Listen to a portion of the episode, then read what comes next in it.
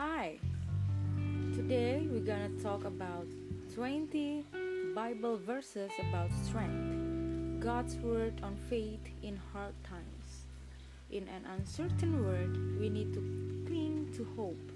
Fortunately, there are countless Bible verses about strength that are worth reading, pondering, and integrating the scriptures are filled with Bible verses that provide comfort and strength. It's essential that we remain steadfast when hard times hit, never give up, and rely on God to navigate choppy waters.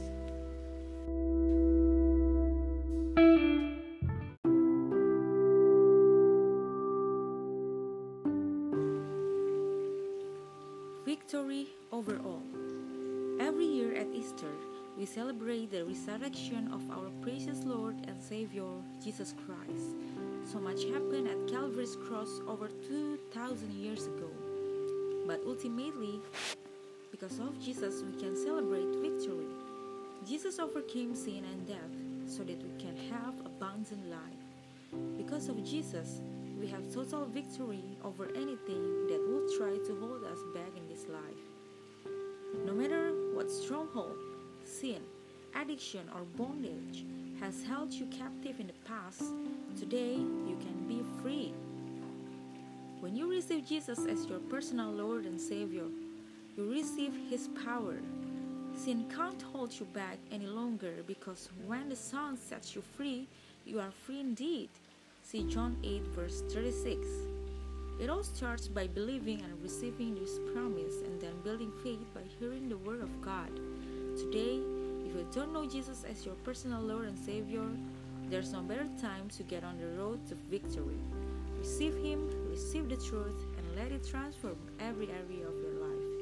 Prayer Heavenly Father, thank you for giving me victory.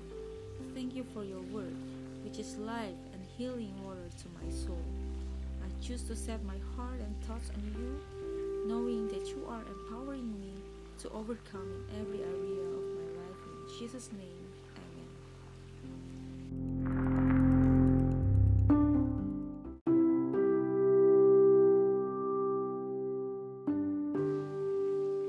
Mark moments.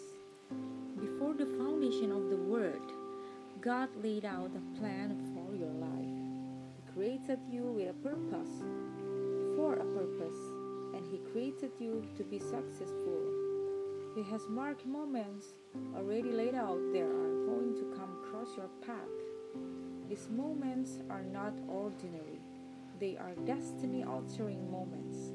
They are designed to thrust you years ahead. Ecclesiastes tell us that time and chance come together for every person. That means you will have opportunities to meet the right people, opportunities to advance in your career, and opportunities to fulfill your dreams. God has already prearranged for you times of increase, promotion, and blessing.